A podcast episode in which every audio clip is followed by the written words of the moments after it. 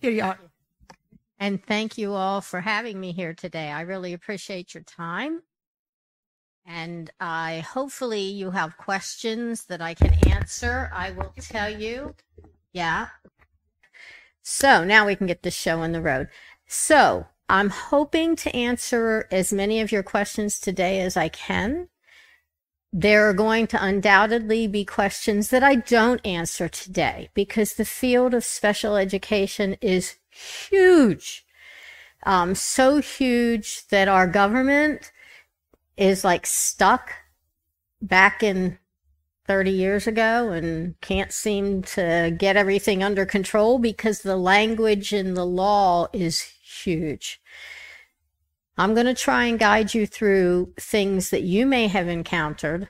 I'm hoping to do some stuff that is experiential. So I might get you up if you're willing and ask you to do a sticky note and stick it up here. I do want you to ask questions as you would like. Um, if you want to hold them at the end, that's fine. If you want to ask them immediately, I'm flexible.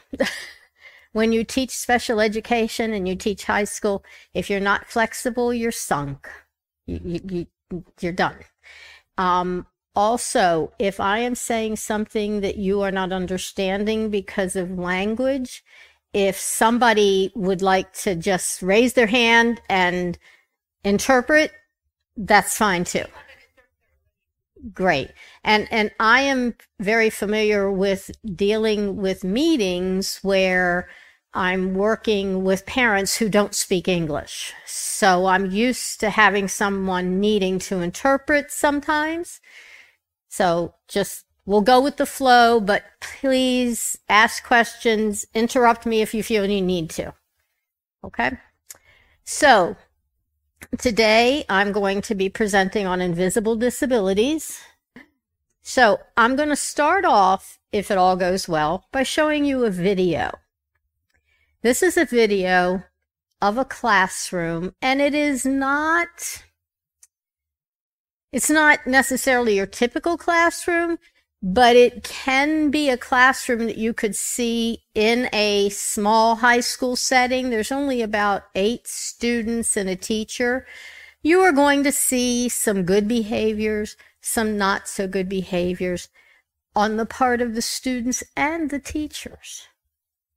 The teacher. So I just want you to bear in mind this is not necessarily what you see every day in school, but I'm showing you with this for a purpose. So kind of watch and just kind of be looking about what behaviors you see students engaging in that may be a problem to their learning that might get in the way of their ability to learn. And we're going to talk more about that. Um, and I also want to say that I'm, I'm focusing on the invisible disabilities because people who have a disability with their leg, it's easy to know that they have a problem. It's also easy to know that a gym teacher is not going to ask me to jump a hurdle, right? But for somebody who has invisible disabilities, we can't see that. And we can't know that that's the problem, but you can learn to be very wise and start picking up on clues. Okay. So let's see this video. It's about a five minute video. Hi, I'm Ed Saborni, Professor of Special Education in the college. All right. No. Now we're getting ready to the classroom setting. I'm distributing so, a recent newspaper, and I want you to turn to the next to the last page and read the editorial on page 14. It's all about taxes. It's important for you to learn different opinions on taxes, for they are informative. And by reading different opinions, you can learn from others. You'll have to pay taxes throughout your lives, and it's not something that you can avoid. You know the old saying the only thing that you know for certain in life is death and taxes. Why do we have to read this junk?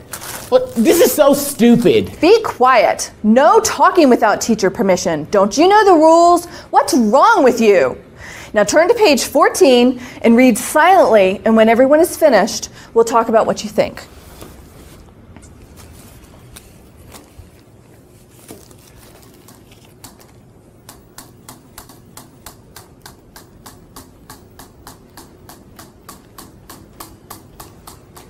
Good job, Susan. I really like the way that you're working on what I asked. Keep it up.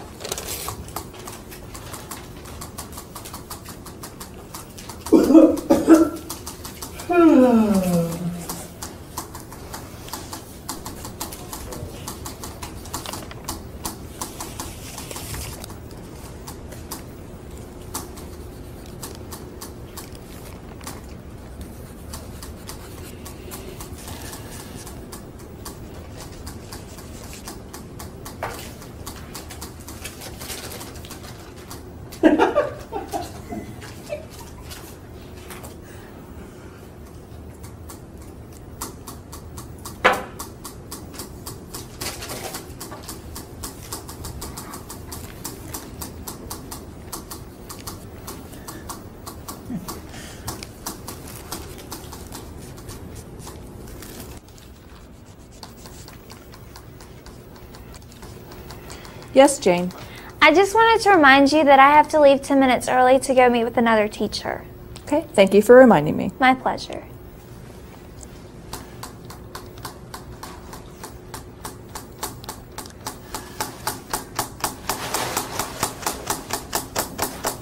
That's it. I am tired of your disobedience. Go to the principal's office and wait for me there until the end of class. You will be suspended from school if I have anything to do about it.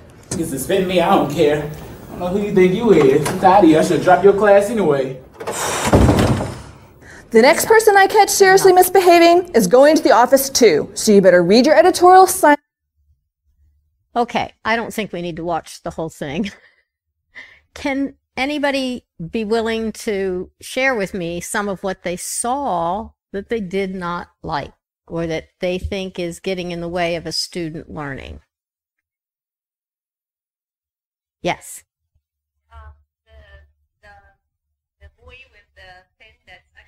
Tapping, a constant tapping, right? That's annoying. Um, what about the young man sitting on the far right? What do you think about him?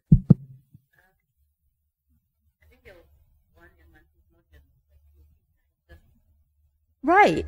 He's like, the paper's here, and he's like, here. Right? Right? Go ahead. Thank you. Um, yes, sir. Correct. He didn't want to be sitting down and reading. He needed to move, didn't he, for some reason? Yes, ma'am. That teacher should look for another job. if I was her principal, she'd be in deep trouble. She's a bad teacher. Now, when she walks over to the young people and says, I like what you're doing, that's good. But we need a whole lot more of that and a lot less of what's your problem, right? yeah. Yeah, filing her nails. What is she doing? Is let me ask a question. Is that teaching? Is that instructing? No. No. Sadly, uh, I don't want to speak for everyone in this room, but I'm sure some of us experienced that kind of education growing up. Because, I don't know, 30, 40, 50 years ago, it was not uncommon for teachers to expect us to do the bulk of the work. And the teachers would give you a packet and say, do this packet, it's due by the end of the day or by the end of the week. But that's not education anymore because we've learned that not everybody can learn that way. There are many different ways that people need to learn. Okay. So that was an example of not the best, but it is an example of um, seeing students whose behavior looks like they might not be such nice kids in some cases. Now, the kid tapping the pencil, he might be a fine young man, but there's something going on, right? And the student who's looking around, he's not doing anything horrible. He's not disrupting the class, but he's also not learning. So, first, I wanted to start off by giving you some facts. According to accessibility.com, 25% of adults have a disability.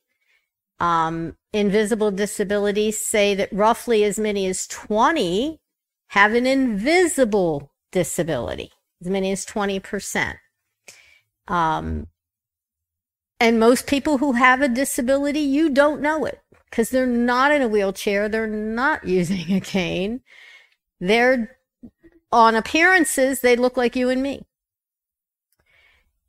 So it is actually more likely for you to meet someone who has an invisible disability than it is to meet an individual with an obvious disability.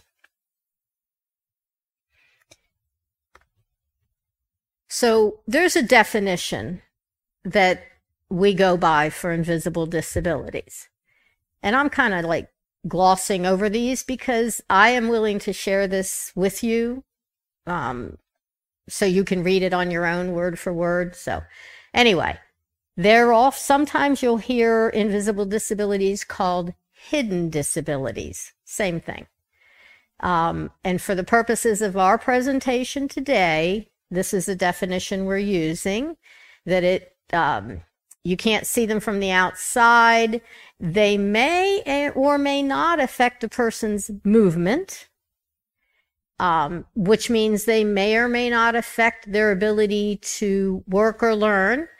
They can include physical, mental, emotional, or neurological conditions that can limit the person's ability to learn. So, questions. And I know you may not all be as um, experienced or as exposed to disabilities as some others. But of disabilities that you might know, can you think of any that might fit that invisible disability? Yes, ma'am. ADHD and ADD. Yes, ADHD and ADD is can often, especially the ADD kid because they're not climbing all over the chairs, right? They're the ones just like not able to pay attention. Anyone else? Very mild autism, yes. Sometimes very mild autism is very difficult to diagnose.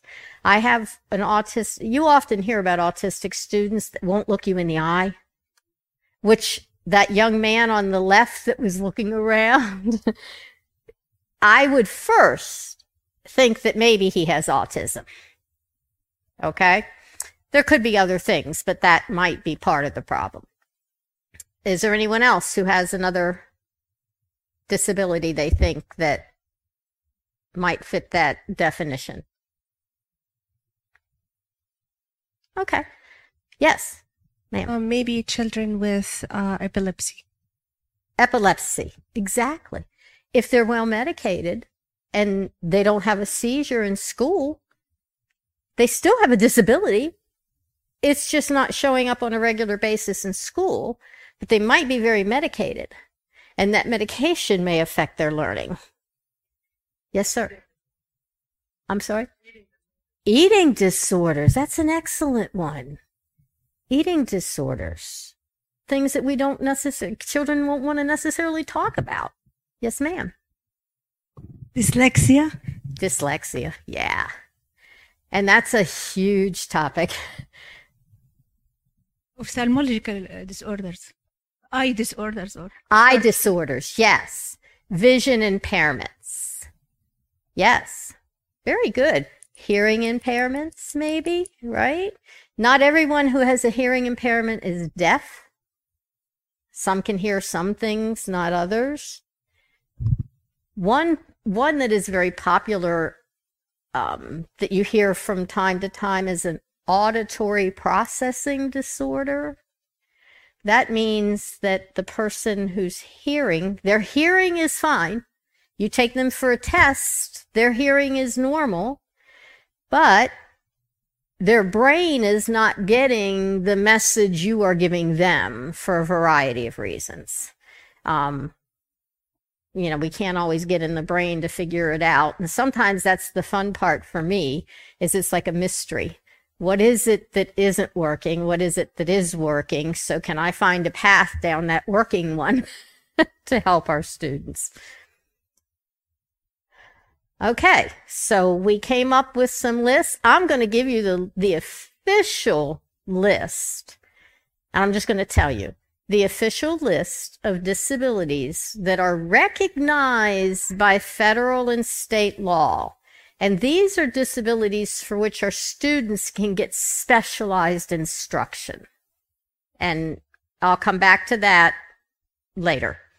Just know that these are the list anxiety, depression, autism, brain injuries, chronic pain, chronic fatigue, depression, ADHD, mental conditions. Oh, I went back. Um, learning disabilities, visual and auditory disabilities, diabetes, epilepsy, PTSD. Okay, now, some of these, such as PTSD and epilepsy, are probably going to come under the title other health impairment. Oh, thank you. PTSD is post traumatic stress disorder. So, kids who have experienced a significant trauma in their life may suffer from PTSD. You hear about PTSD a lot when you hear about the military, people coming home from a war zone and they wake up at night and these night terrors and they think that they have to shoot everybody because it's the army coming to get them or whatever. But our students, some of our students have experienced some severe traumas in their lives. Um, the pandemic is a trauma. Now, is it affecting each of our kids the same? No. Some kids weather the storm and just go on, but some kids are very affected by by the pandemic. Um, but there's a whole world of things that can happen with PTSD, and there's a whole world of things that can cause it. And a lot of times, with a student who's struggling with PTSD, you do not know it at all. But they'll be sitting in a classroom and all of a sudden, it's like they, they're either acting out horribly for what appears to be no reason, or they want to get out of the room, or they're in tears, or there's something going on that just makes no sense whatsoever. Takes a lot of relationship building, a lot of working with counselors and doctors sometimes to get those kids to open up, to try and figure out what was the trauma so we can help them be better prepared in a classroom setting. But sometimes they don't even know. It happens so young in life that they're not sure why it is when somebody, I don't have anything loud, but we'll pretend this is a heavy book. Some kids, you know, a teacher might drop a book on a desk on pers- purpose to get your attention. For some kids, that might be such a traumatic event that they need to get out of the room. They cannot tolerate the loud noises. Okay? So, what caused the trauma can be about as varied as, I don't know, 52 weeks in a year. okay. So, we've kind of talked about this. So, when a student is identified with a disability, they are then, if, if that disability significantly impacts their ability to learn, then they may qualify for what we call an individualized education plan. Now, let's say we have that kid in the classroom with PTSD and the teacher drops the book and he gets a little upset, but he kind of can deal with it. Then we're not going to give him an IEP because he's over it quickly and he can get back into it. Maybe he's worked with a counselor And he can say, Oh, it was the teacher dropping the book. That's why I'm a little anxious. Deep breaths, deep breaths, deep breaths. And he goes on and he learns. That child's not going to get an IEP because the deficit, the disability is not impacting his ability to learn. However, a student who may have that PTSD that when we drop that book, not only can he not learn, but he has to leave the room. And the idea coming back into the room is just too much. That child probably needs specialized instruction. We need to work with the teacher too. and we need to work with the student. We can help the student learn some strategies so they can stay in the classroom, but they it, it's not an easy task. And because of their severe case of PTSD, they would need an educational plan. Educational plans are built by teams of people. They are not built by one person. And we can come back if somebody will remind me and we'll talk about those teams if we get a moment to do that. All right, kind of talked about that. All right, so I want you to take a moment to imagine, if you can, you have a student sitting in um, in a social studies class, and his teacher has given him a social studies textbook, and the teacher has said, I want you to read page 98. There are some really neat pictographs on 98 to talk about the population of France in 1564. And that textbook or that material is given out to the students, right? And we have a student who has a math disability because learning disabilities can affect reading, writing, math, and a world of other things. Those are the three biggies. So if that student had a math disability and the teacher said, I want you to look at those pictographs. Does anybody know what a pictograph is? it's going to be sort of, see if I can do something really quick here. It might look almost like a graph, but it might have people here.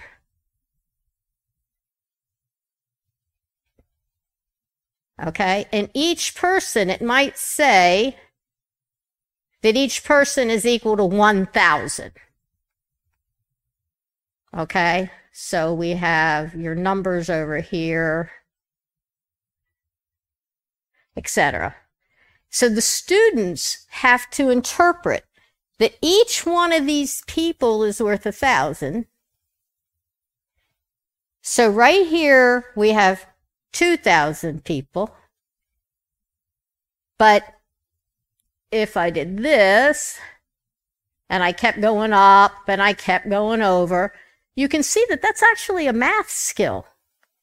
The kids have to add or multiply to figure out what that pictograph means.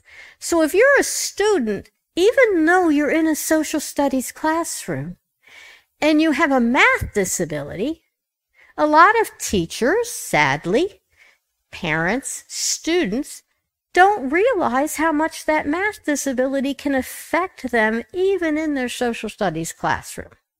So just kind of think about that.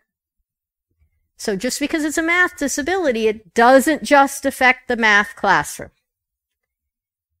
So what about a student with autism who's in a very loose classroom environment?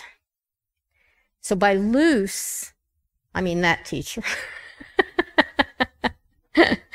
that teacher who has no rules, not even for herself. She's obviously got no rules for the kids because she's letting the one look around, one's getting up out of the seat, one's tapping the pencil. There, it, by the look of that video, you'd wonder what are the rules in that classroom. So I would call that a loose classroom. So if we're looking at a student who has autism, who needs structure, who needs the class to start at the same time, to end at the same time, to know what's going to happen schedule wise throughout that class period, who does not deal with change rapidly, easily. Those are issues that you might see in a loose classroom because that student doesn't know what's coming first and second. That causes severe anxiety to a student with autism, so much so that they cannot learn under those circumstances. They need structure. So, and then again, what about chronic pain? How might a chronic pain affect a student in a classroom? I'm dealing with a knee that needs replaced. So getting around can be a problem. But what about the kid? I've had kids who have severe scoliosis. So they're sitting in a rock hard wooden chair, metal chair, for hours throughout the day, and they have a severe scoliosis. Scoliosis is a curvature of the spine. It can affect, if it's a kyphosis, which leans you this way, it can affect, it kind of scrunches the lungs and affects your ability to breathe. Then you have the ones that bend you this way and bend you that way. But regardless, that student is in severe pain the bulk of the day. They're going to have trouble learning, are they not?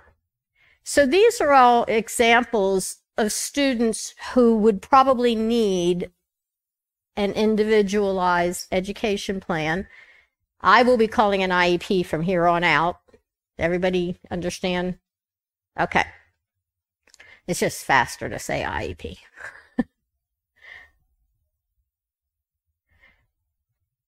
so, if you walked into a classroom and you were observing, let's say it's Parents' Day, how many people have actually gone to Parents' Day? Like, you know, and sat in the back of the room and watched your kids, that kind of stuff, right? So, what are some things that you might see in a classroom that might make you think, what's going on for that kid? So, I'm going to pass out sticky notes. And I'm going to ask you if you're comfortable, and if you're not comfortable, that's fine. Yeah, you take some and I'll take some, okay? Not so much. Okay. Yep. Oh, and you'll take some, pass them out. Um, yeah, these are pencils and pens and if you're willing and able to write down an idea about something you think that you might see in a classroom that would draw your concern, that might make you think, what's going on with that kid? Are they okay? Or are they not okay? Are they learning? Or are they not learning? So take a moment. And if you have something, just, you can just come, if you feel like moving, because I know you've sat a lot, right, this morning in your service. So if you feel like moving, feel free to come up and put your sticky note up here. If you don't feel like moving, we'll collect them. Whatever you feel like doing this morning.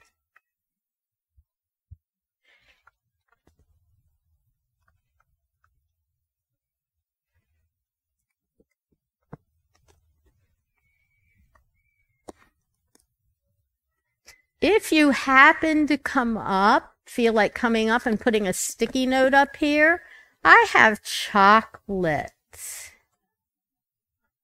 All good teachers. Not true, but this teacher likes to take care of her students. so I tend to uh, bring goodies and have goodies. So if you're willing to bring your sticky note up, and would like a piece of chocolate, you're welcome to come get a piece of chocolate. You want a piece of chocolate? You want a piece of chocolate? Come on, you can have. Here. You want a piece? You like Milky Way? They're my favorite. Behind me, here, piece of chocolate. Help yourself.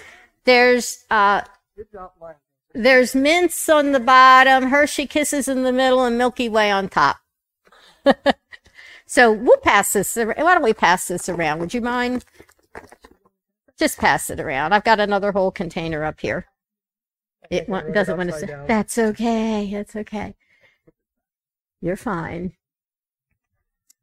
So the first thing we have here is not focusing, not participating. Excellent. That can be a clue. It's okay. Does does a student who is not focusing, not paying attention, does that student necessarily have an IEP? It could be that they had a bad morning. Maybe they got up. They didn't make their bed the right way. Their mother yelled and screamed at them because they didn't make the bed the right way. They come to school and guess what? They're not participating and they're not focusing because they're thinking, oh no, when I get home today, my mom is going to kill me because I still didn't make that bed. so all by itself, this is not necessarily a reason for a learning disability. But if we saw this over and over and over again, then we might start needing to figure out what is going on for this student. Okay, unable to follow instructions, seeming lost. That's excellent one. This is one we see a lot. Um, a student will be given an assignment and they just, it's like they're sitting there with their paper and they're looking at the assignment and, and they're looking around the room. and they're looking at their partners and they're very aware of everything else going on, but they're not doing anything. Yes, ma'am, you have a question? Oh, she has her hand. Okay, maybe not. Okay, so, and the directions on the assignment that were given to the student might be too complicated. The language in the directions might be above them. Um, they might be written, the directions might be written into a long paragraph rather than one, two, three, four, five, a bulleted list of things for them to do. So that's a good one. Student avoiding eye contact, student sleeping, student busy with the phone. Ah. And then just a moody student. Those phones. Oh. They're great, but they're also a nightmare. I can't tell you. There are times that we use them educationally and they are very helpful. Very good. But there are times when our students, I'm sorry, parents, there are times when parents email their students in the middle of our instruction. and we're like, tell your mom you're learning right now. but it happens. Um, but yes, avoiding eye contact can be a big issue.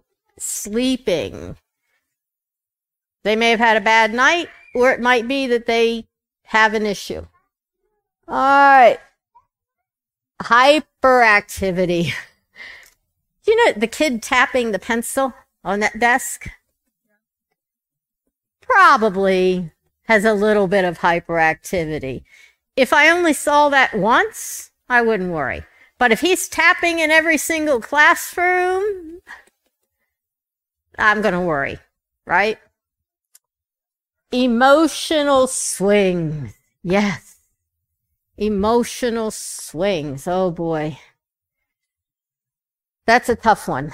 Um, it, it's I have many people in my family that struggle with emotional swings, with mood swings.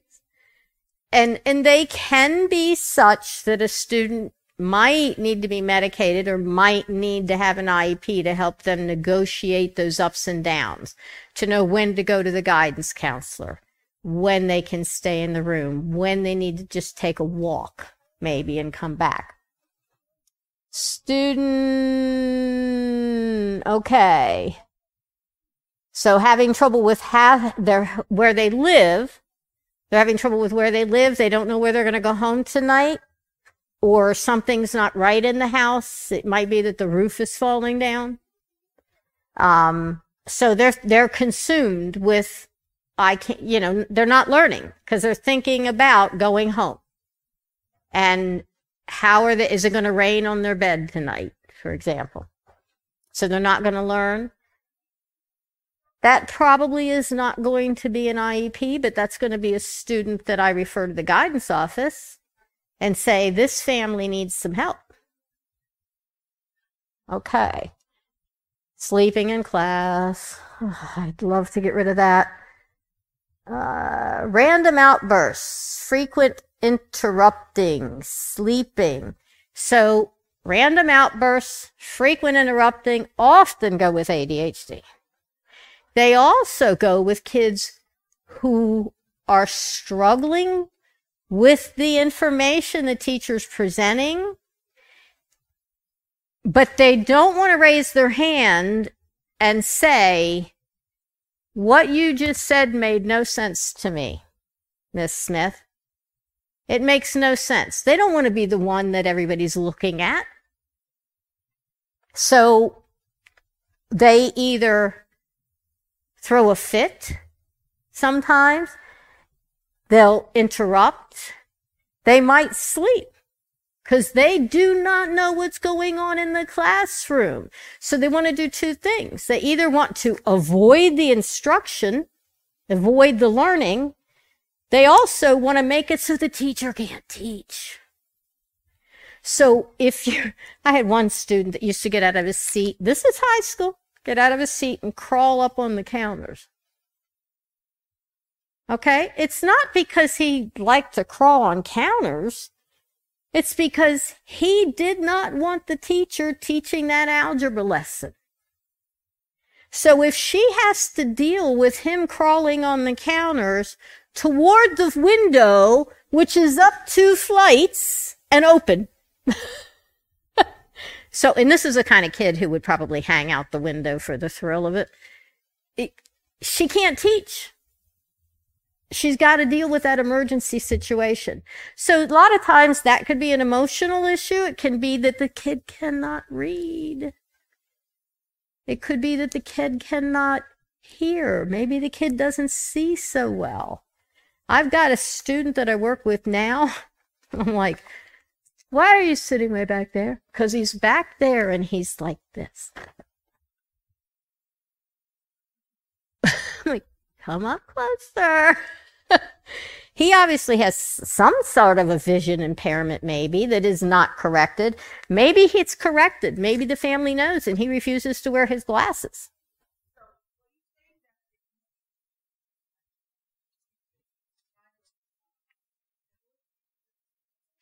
It can be, yes. Yeah, it's not, it's very rare that it's visible.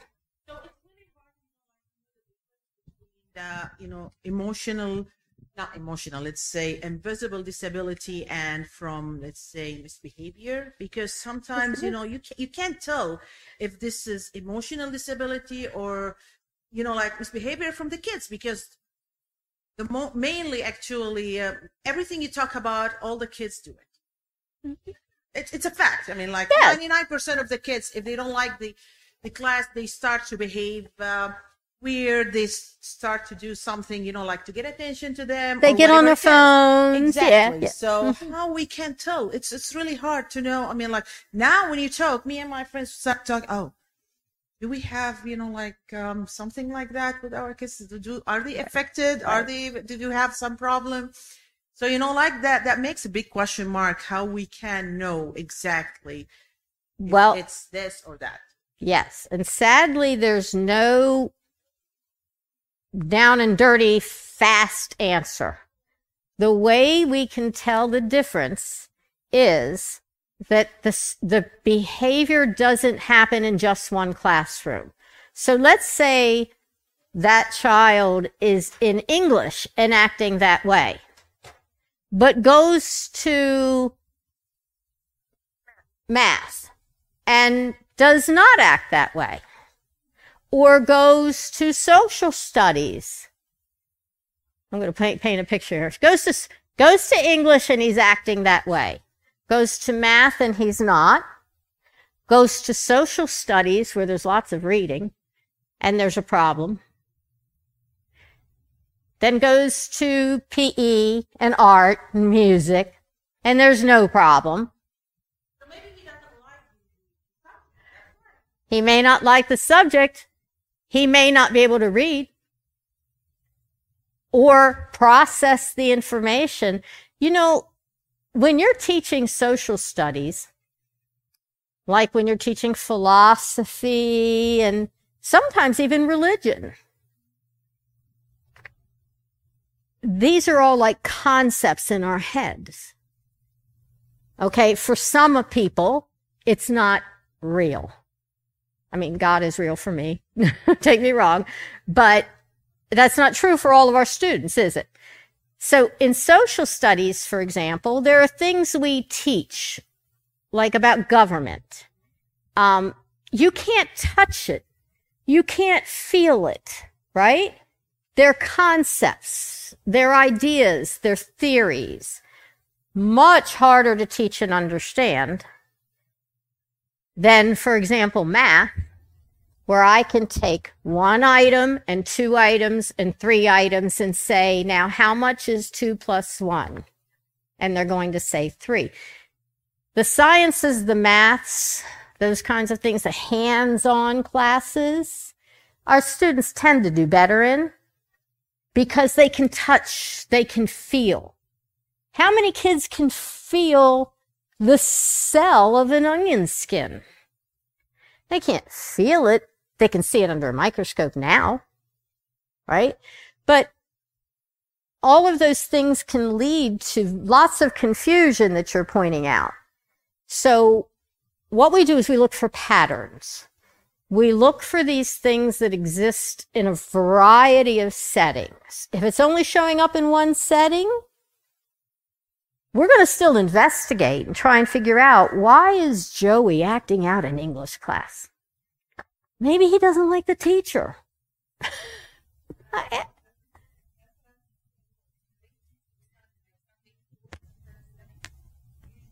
Behavioral problems would be resolved by a relationship. Like if the Sunday Yes. school teacher has a relationship with the child or like knows the parents, go visits them, that kind of thing, the behavior will change.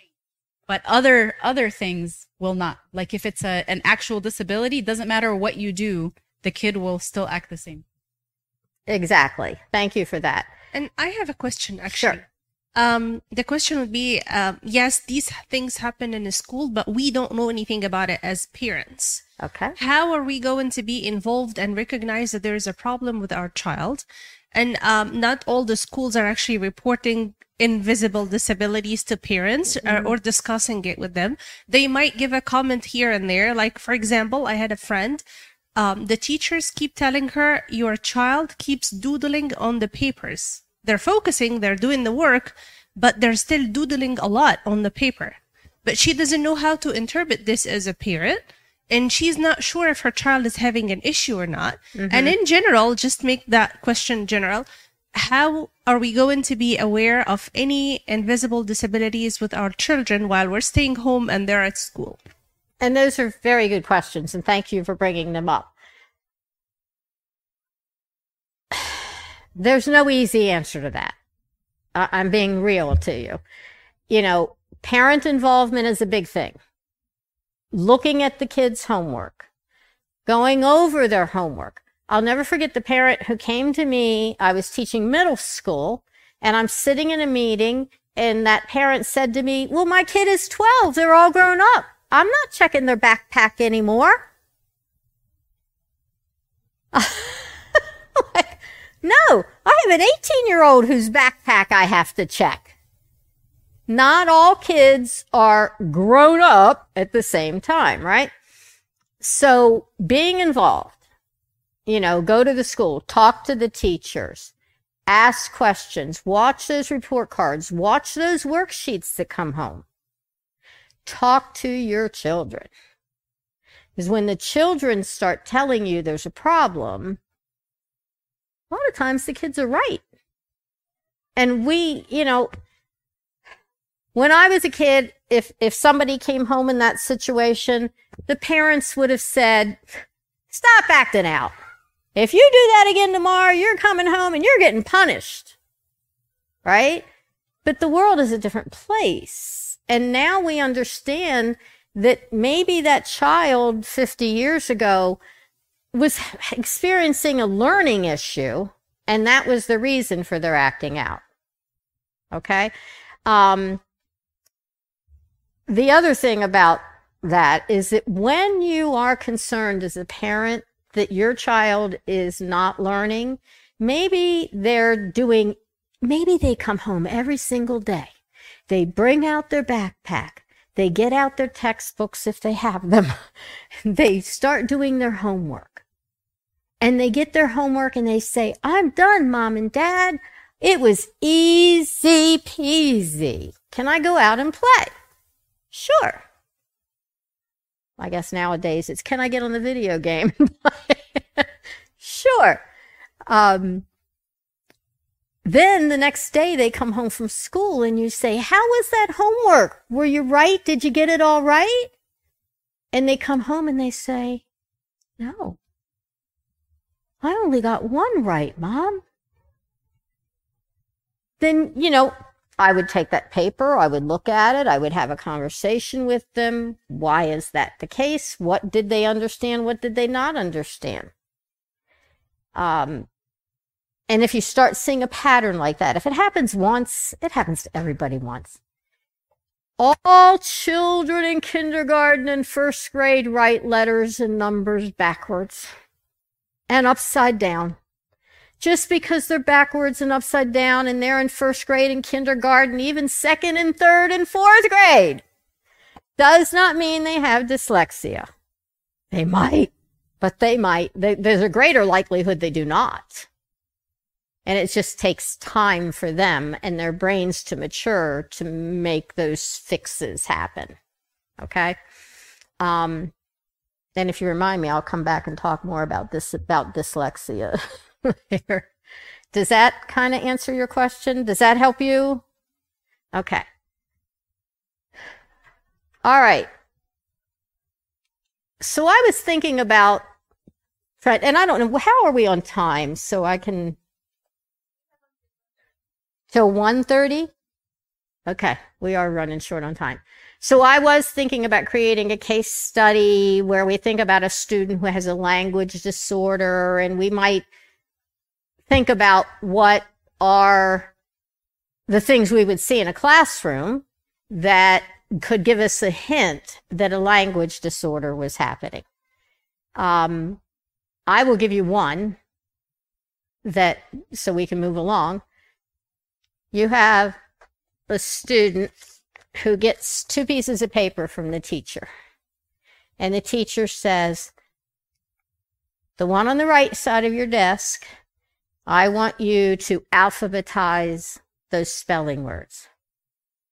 Now, that one on the left side of your desk, I want you to draw a picture to represent two of those vocabulary words.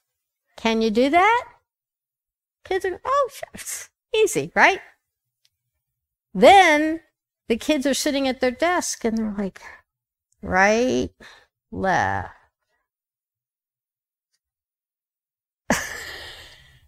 Now, you might first think it's a problem with knowing the difference between right and left. Not necessarily. There are things that happen in the brain when you cross the midpoint so sometimes knowing what you want to do on the right side and knowing what you want to do on the left side gets very confused. So the kid might put his pictures on the right and his definitions on the left. And so he's used the wrong papers to do the wrong things. That's just one simple example of a potential language disorder. I mean, there are a ton of them. That one is one that you don't hear a lot about. It, yeah, it- yeah, exactly. So, but that can be a language disorder. Um, so I have a whole list of things that you might see if you were in a classroom that might give you a hint that something was going on. Some of them we've already talked about sleeping, not wanting to participate, doodling. Doodling. You know, some students doodle because they listen better when they're doodling. I- I'm thinking back to my childhood when my mother would say, Turn that TV off. You can't do homework in front of the TV. I did my best homework sitting in front of the TV. When I do things, I still have that TV on. For some reason, my brain wants this background noise. I think it drowns out other things that get in my way so that I need that background noise to drown out the, the other things. So, and that's kind of what happens with doodling. Now, if a student is doodling and not doing the work, that's a whole other picture. But if they're doing the work, doing it sufficiently and doodling, hmm, it's not necessarily a problem. Uh, taking frequent bathroom trips may be a sign of a medical issue, but might be a sign of an emotional issue. Or a post traumatic stress thing where a kid needs to get out of the classroom for some reason. Sometimes what people think when they see a student acting this way is that they're lazy, they're dumb, they're cheating, they're annoying other students, they just have no work ethic. Why can't Susie just get started and get her work done? They could have a bad home life or may not. Um, there are many, many, many wonderful homes with parents who do everything right and the students still have issues in school. Invisible disabilities can affect not just our students, but those of us in this room.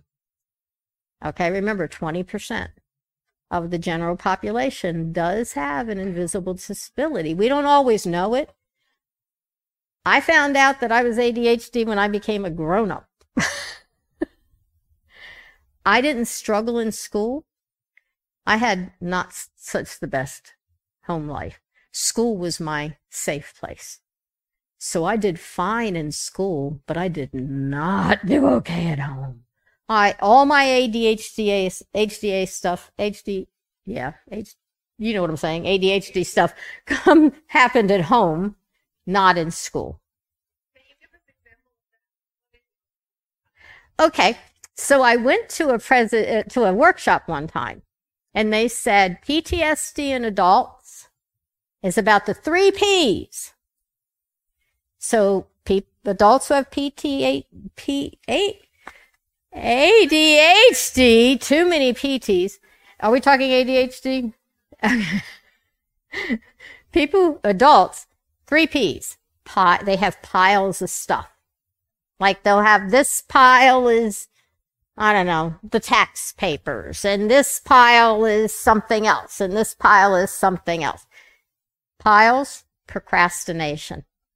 Ah, tax due until April 15th. I'll get that on April 14th.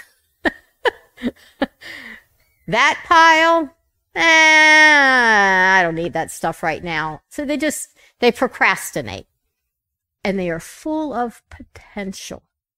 Most students with ADHD, if you can teach them strategies and work with them, they have, they are so creative.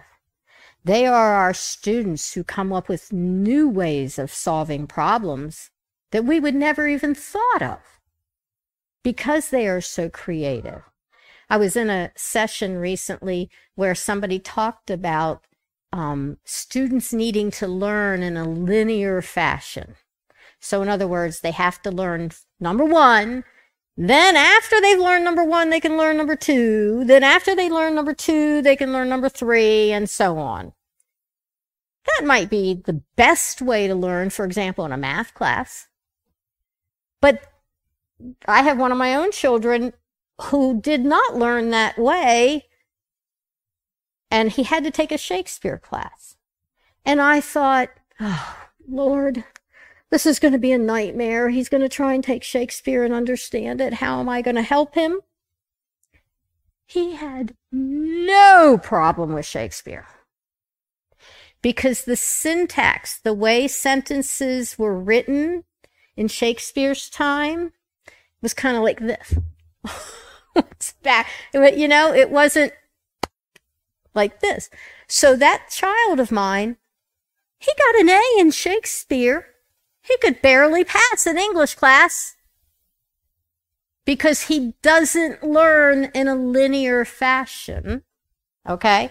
So So the invisible disabilities can affect all of, you know, not just children, everybody. So you also have to understand that your students' teachers, some of the teachers have disabilities. Um, I was in a White House conference once where the invisible disability the teacher had was she had an ostomy bag. Okay. So she carried a pouch inside her clothing, but she couldn't necessarily wait for a bell to ring to go to the bathroom. When she needed to go, she needed to go. Was she going to tell the kids, I have this medical condition, I have this, they're going to think it's gross. They're not going to want to know about an ostomy bag. So, you know, you kind of keep it hidden, but when she's got to go, she's got to go. So that teacher is entitled to accommodations so that she can get out of that classroom. So there should always be like a partner teacher for her who can run in and help her out. Just know that invisible disabilities affect the entire school, not just our students. Cafeteria staff, bus drivers, custodians, anybody. Let's see. Then I was going to talk to you about what you think you could do to provide supports in a classroom. We're running short on time, so I'm kind of like, we can always talk about this more at another time if you want me to. Um, and I had a whole bunch of these about how you can, there's six of them about how you can support students in a classroom. Um, the IDA, which is the Individuals with Disabilities Association, also has a definition for invisible disabilities that I've included in the PowerPoint. And Disability World has another one. So invisible disabilities is, is really like a hot topic right now. The White House is heavily involved in creating legislation and in working with legislators to work on this issue. Um, and then I provided you a bunch of resources that if you wanted to go to those resources to look things up, you could. Um, some of what the resources are have to do with what I presented, but I've also given you resources that you could go to to look things up. Um, there are some very, very wonderful websites